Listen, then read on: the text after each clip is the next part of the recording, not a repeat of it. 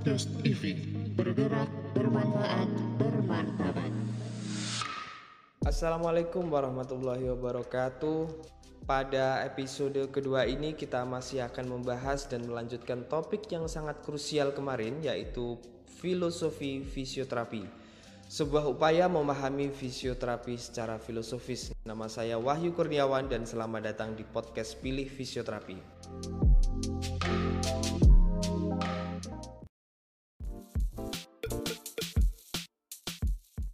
Halo Sobat Visio, kembali lagi di podcast Pilih Fisioterapi. Apa kabar? Semoga selalu dalam keadaan sehat fisik dan mental.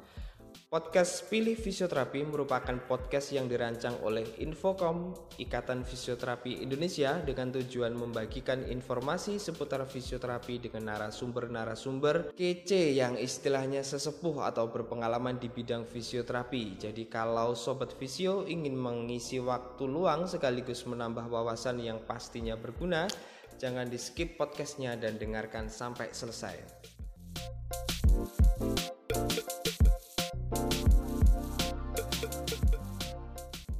Oke, kalau minggu lalu kita sudah membahas mengenai apa itu fisioterapi secara filosofis, maka kali ini masih dengan narasumber yang sama dengan Bapak Muhammad Ali Imron. Kita akan membahas lebih dalam lagi tentang apa itu fisioterapi lanjutan dari yang kemarin.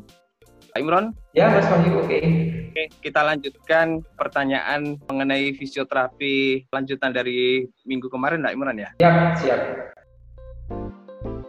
dari Bapak katakan kemarin, saya memandang fisioterapi itu juga merupakan profesi yang unik juga. Itu apa sih sebenarnya fisioterapi itu dan sebenarnya e, menurut Bapak karakter seorang fisioterapi itu seperti apa seharusnya?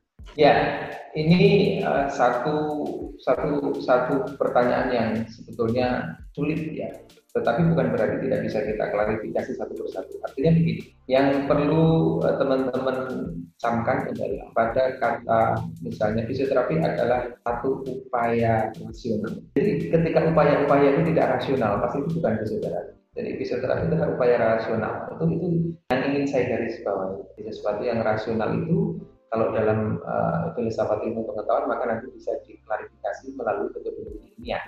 Jadi apa pun yang dilakukan fisioterapi pasti bisa diklarifikasi secara metodologi ilmiah. Maka yang menjadi karakteristik karakter seorang fisioterapis ya dia harus bisa berpikir ilmiah. Itu, itu bagusnya. Yang kemudian oleh WCPT, oleh World Fisioterapi mungkin sekarang ya, dengan logo barunya itu knowledgeable gitu. Jadi fisioterapi itu karakteristiknya adalah ilmu pengetahuan, bukan pengetahuan tapi ilmu pengetahuan. Artinya sebuah pengetahuan yang sudah bisa diklarifikasi menggunakan metodologi, metodologi ilmiah itu adalah karakteristik fisioterapi yang paling fundamental. Karakteristik yang kedua tadi seperti yang saya katakan, jadi secara filosofis karena fisioterapi itu ingin memuliakan manusia, maka tindakan-tindakan itu adalah untuk karakteristik yang kedua itu berfokus kepada manusia atau bahasa hari ini disebut sebagai berfokus kepada pasien atau berfokus pada kebutuhan-kebutuhan pasien. Jadi bukan kebutuhan-kebutuhan seorang fisioterapis itu karakteristik yang selanjutnya dari kelanjutan dari kasus yang pertama tadi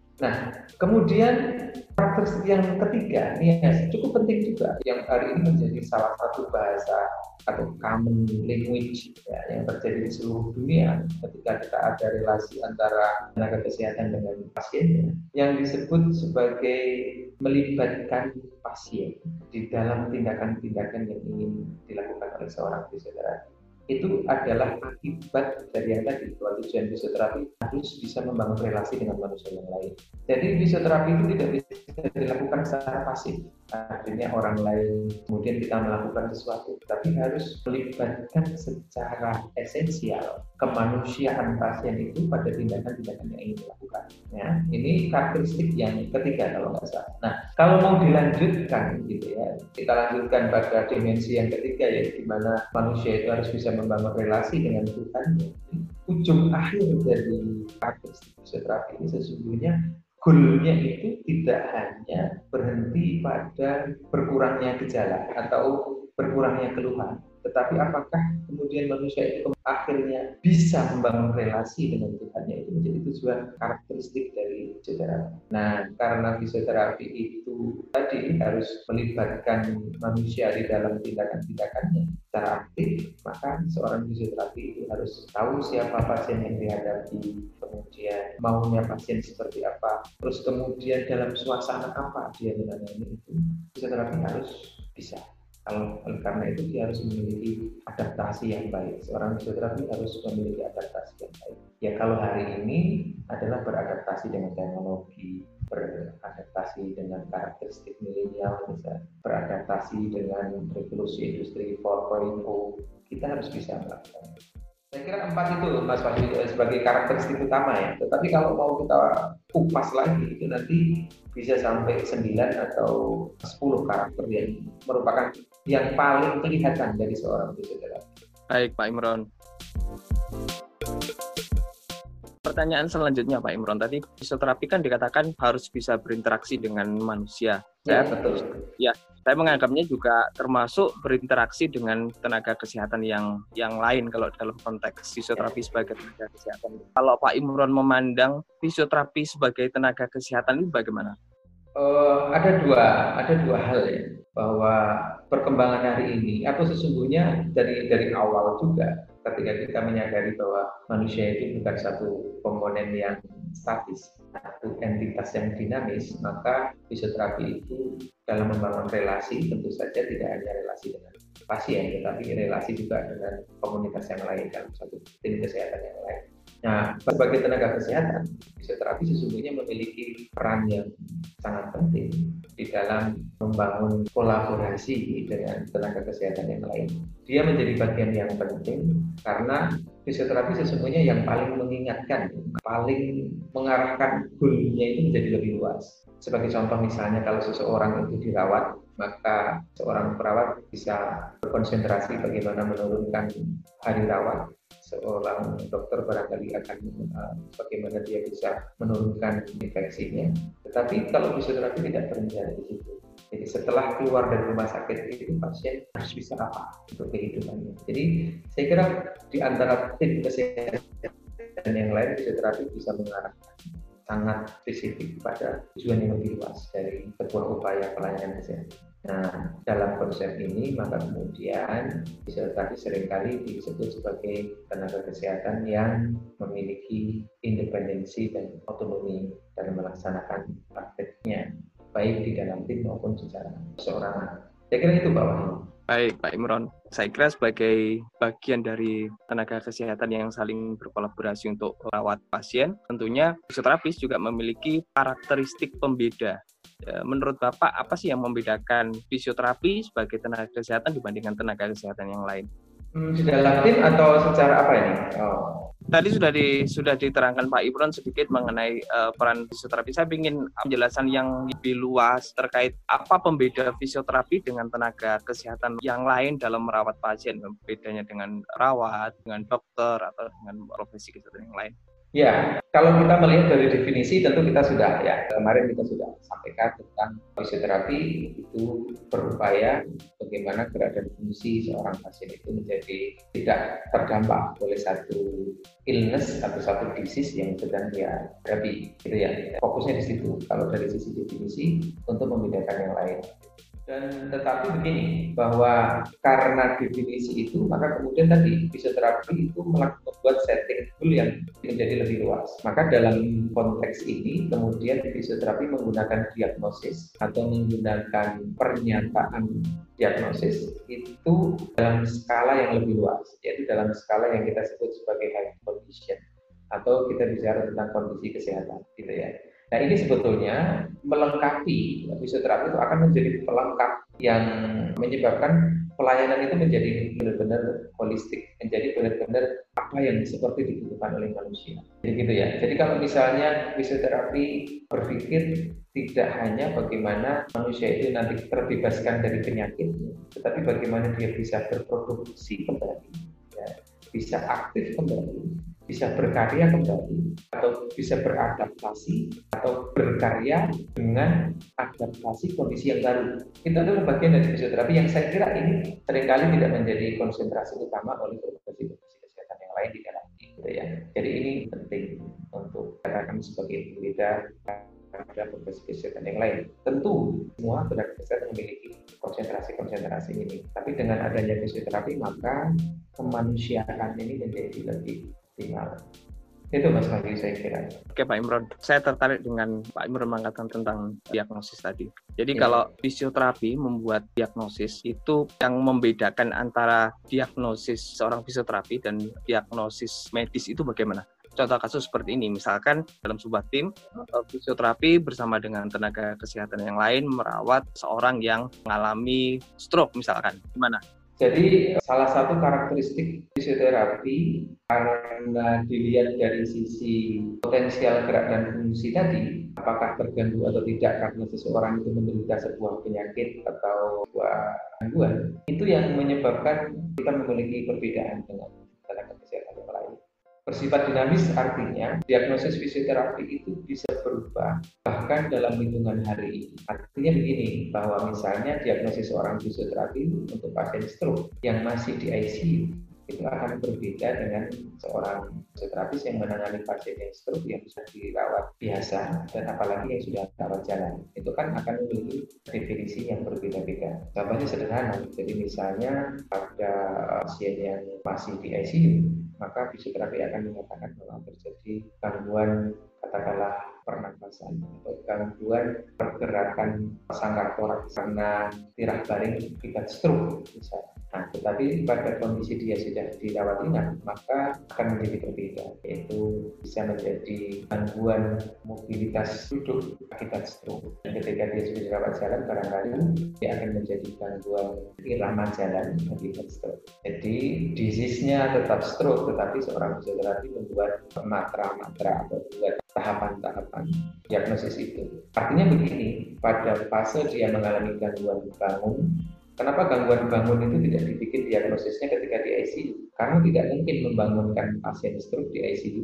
Misalnya dia masih menggunakan ventilator, masih menggunakan infus bermacam-macam. Tetapi yang diperlukan pada saat itu adalah kesehatan misalnya saluran pernapasan. Tapi ketika sudah dirawat inap, maka gangguan saluran pernapasan sesungguhnya nggak terjadi lagi yang dia perlukan adalah mobilitas-mobilitas yang lain. Gitu. Nah, ketika orang sudah rawat jalan, harusnya orang itu sudah nggak ada gangguan duduk. Dia mungkin tinggal memperbaiki irama berjalan, sehingga problemnya ada di sini. Itu adalah misalnya mungkin kalau saya tidak salah dalam kode ICD untuk tiga level tadi itu masih sama, yaitu misalnya CVD atau cerebrovascular disease dalam stroke misalnya. Nah, itu saya kira tahapannya itu bisa terlihat berat yang mana yang menjadi konsentrasi fisioterapi. Baik, jadi bisa dikatakan bahwa di diagnosis fisioterapi itu lebih kontekstual gitu nggih. Bisa berubah bahkan dalam hitungan hari bisa berubah. Mungkin itu juga berlaku untuk pasien rawat jalan juga Pak Imron ya. Yes, itu bisa berlaku untuk pasien rawat jalan dan untuk kondisi apa pun. Maka fisioterapi kemudian uh, mendasarkan ini semua pada satu kajian yang sering dipakai di dunia internasional disebut sebagai ICF, International Classification of Functional and Disability. Nah, di situ juga ada tiga matra utama yang menentukan health condition. Yang pertama adalah body function and structure, kemudian activation dan participation. Nah, tiga komponen utama ini kemudian ditambah dengan dua komponen tambahan yang disebut sebagai personal factor dan environmental atau lingkungan. Nah, fisioterapi mengkajinya. Misalnya bisa nggak seorang yang baru tadi di ICU kemudian kita berikan kesimpulan dia mengalami gangguan berinteraksi dengan lingkungan ya bisa, tapi kecepatan belum waktunya. Karena kenapa? Karena belum bisa dievaluasi. Jadi satu diagnosis itu harus berdasarkan evaluasi. Misalnya orang di ICU dengan ventilator, dengan pemasangan infus di mana-mana, kemudian kita simpulkan gangguan duduk. Bisa nggak? Ya nggak bisa, karena kita belum bisa mengevaluasi bagaimana cara pasien itu duduk.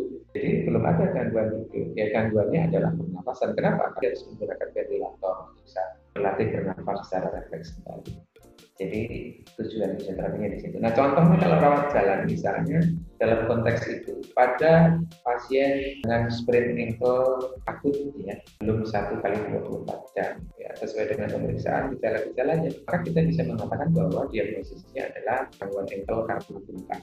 Tapi ketika bengkaknya itu sudah hilang, dia tinggal ada gangguan ROM daripada ankle maka ya gangguan gerak itu karena ROM yang terbatas, gitu kan? Nah, ketika dia sudah RUM-nya penuh tetapi dia diabetes belum bisa berlari atau belum berani berlari maka menjadi diabetes perubahan. Maka dari sini kita melihat peran fisioterapi sebetulnya ada di setiap stage dengan fokus yang berbeda-beda. Oleh karena itu tadi pertanyaannya apa peran fisioterapi dalam pelayanan kesehatan ya sedinamis itu kita memiliki uh, peran yang penting dalam setiap episode pasien. Masuk misalnya kalau kita bicara COVID-19 ya, pada pasien yang OTG, orang tanpa gejala, oh penting sekali karena kita harus meningkatkan imunitas. Pada masyarakat yang belum terkena virus juga penting karena harus meningkatkan imunitas. Tetapi pada pasien yang sudah terjangkit COVID-19 dan memiliki gangguan, mulai memiliki gangguan saluran pernafasan, di situ juga fisioterapi memiliki peran yang penting. Saya kira itu Pak Wahyu. Baik Pak Imran, saya jadi ada pertanyaan di luar konteks nih, tapi nanti kita bahas di podcast eh, berikutnya. Saat ini kan kita baik pasien maupun fisio itu ketika melatih, ketika melakukan exercise, fisioterapi memberikan supervisi exercise, itu kan harus pakai masker gitu, termasuk pasiennya. Pertanyaan saat ini adalah ketika menggunakan masker itu kan otomatis supan oksigen juga berkurang, kemudian gas exchange juga berkurang, dan itu akan berpengaruh terhadap fisiologis termasuk akan mempengaruhi dia gampang lelah dan lain sebagainya. Tapi ini akan kita bahas ke di podcast berikutnya Pak Imran pertanyaan yang terakhir. Ini terkait dengan intervensi fisioterapi. Karena diagnosis yang berbeda, tentunya intervensinya juga berbeda dong. Misalkan gini, kalau hari ini ada pasien uh, low back pain misalkan datang, pasiennya akut, uh, misalkan datang dengan tidak bisa jalan karena kesakitan sekali. Tentunya di hari berikutnya ketika pasien itu sudah bisa jalan, intervensinya juga berbeda, gitu ya? Ya, Betul. Ya, saya melihat intervensi fisioterapi ini juga mengalami evolusi, Pak. Mulai dari cara fisioterapi dahulu yang menggunakan masas, kemudian penggunaan electrophysical agent, kemudian uh, berkembang menjadi exercise, manipulasi dan lain sebagainya. Saya ingin bertanya kepada Bapak, bagaimana Bapak memandang terkait dengan intervensi fisioterapi ini? Ya, oh, ada dua pendekatan di dalam definisi fisioterapi. Maka sebetulnya kita kembalikan kepada definisi fisioterapi dalam konteks Indonesia dengan definisi fisioterapi dalam konteks internasional. Yaitu ada perbedaan. Kalau di dalam konteks fisioterapi Indonesia itu kita masih memasukkan intervensi atau jenis metode teknik intervensi di dalam definisi. Misalnya manual, electrophysical agent, dan seterusnya. Tantangan dari kita memasukkan ini adalah bahwa kita harus mendinamisasi perkembangan metode teknik uh, pendekatan itu secara terus-menerus. Tetapi kalau dalam definisi yang WCPT atau buat fisioterapi itu tidak ada penggunaan teknik itu. Kenapa? Secara otomatis setiap perkembangan perubahan intervensi itu akan menjadi bagian dari fisioterapi. Ini ada beberapa cuma ini karena local apa ya local wisdom aja lah kenapa definisi kita berbeda dengan definisi yang ada di WCPT. Tetapi bahwa intervensi fisioterapi memang berubah-ubah. Gitu. Tapi sekali lagi, maka tadi saya sampaikan bahwa secara filosofis fisioterapi itu adalah satu upaya yang dilakukan secara rasional dalam upaya untuk meningkatkan mengoptimalisasi peran-peran manusia. Jadi memang harus dinamis, harus berubah. Dan jangan pernah kecewa kalau ternyata yang Anda pelajari hari ini ternyata besok pagi sudah dipakai lagi. Nggak usah menunggu satu tahun lagi besok pagi nggak bisa dibayar karena apa? Karena dari riset-riset baru ya riset-riset baru yang kemudian membuktikan bahwa yang kita pelajari kemarin itu ternyata salah. Dan eh, satu lagi Pak Wahyu yang ingin saya garis bawahi adalah oleh karena itu fisioterapi itu tidak bisa kita sempitkan menjadi intervensi seperti yang terjadi di Indonesia akhir-akhir ini yang berpandangan seolah-olah fisioterapi intervensi. Karena kalau fisioterapi itu intervensi, maka ketika intervensinya itu kembali sudah tidak sesuai lagi, maka fisioterapi akan akan hilang karena tidak dibutuhkan lagi. Oleh karena itu uh, definisi fisioterapi itu tidak hanya terkait dengan intervensi, karena intervensi selalu berubah. Dan itu sebetulnya juga terjadi pada profesi kesehatan yang lain ya Pak Wahyu ya. Kedokteran, ada obat-obat yang zaman dulu dipakai hari ini tidak. Tapi kedokteran itu ya bukan obat, definisinya bukan intervensi juga. Kita harus melepaskan intervensi ini sebagai sesuatu yang dinamis, yang selalu berubah. Oke, baik Pak Imron. Pertanyaan penutup Pak Imron ya. Ini apa pesan-pesan Pak Imron sebagai Ketua Ikatan Fisioterapi Indonesia kepada seluruh fisioterapis Indonesia? Wah, kalau pesan itu pesannya saya orang yang paling tua, paling bijaksana menitipkan pesan gitu ya. Tetapi saya mengingatkan saja, kalau mengingatkan itu kan kewajiban untuk kita semua. Yang muda bisa mengingatkan yang tua seperti saya gitu ya yang tua juga uh, bisa mengingatkan yang muda gitu ya. Tapi mengingatkan satu hal bahwa fisioterapi itu adalah satu yang rasional. Ini, ini, ini menjadi penting saya sampaikan. Maka seluruh yang upayakan harus berbasis kepada ilmu pengetahuan, pada metodologi ilmiah, ya. Kemudian pada uh, pembuktian-pembuktian dan karakteristik ilmiah itu salah satunya adalah terbuka. Oleh karena itu saya mengingatkan kepada teman-teman fisioterapi untuk selalu berpemikiran terbuka, jangan kaku ya. Yang dulu-dulu itu boleh dipegang, tetapi jangan ambil dengan yang baru-baru. Gitu kan? Al mukhotabatu al qadimi sholat gitu ya. Al ahdu bil bil aslah kan gitu Mas Wahyu. Jadi kita ya. Kita pakai yang lama yang masih terbukti baik dan benar. Kemudian kita ganti yang baru yang lebih baik dan lebih benar. Itu saya kira prinsip yang harus kita lakukan. Baik, terima kasih waktunya Pak Imron. Luar biasa sekali perbincangan kita siang hari ini. Insya Allah kita akan bertemu lagi di podcast seri-seri berikutnya. Kalau nanti Pak Imron dapat undangan untuk bicara di podcast, akan kami kabari Pak Imron. Dan bersedia Pak Imron, ya? Bersedia, bersedia, bersedia. Ya, Assalamualaikum warahmatullahi wabarakatuh. Waalaikumsalam warahmatullahi wabarakatuh.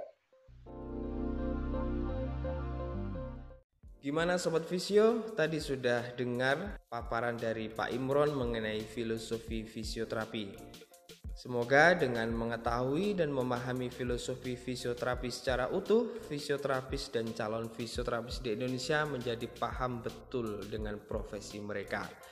Episode selanjutnya akan lebih menarik lagi dan pastinya dengan narasumber kece lainnya. Kalau Sobat Visio tidak mau ketinggalan, tetap stay tune terus di podcast Pilih Fisioterapi. Saya Wahyu Kurniawan pamit undur diri, sampai jumpa.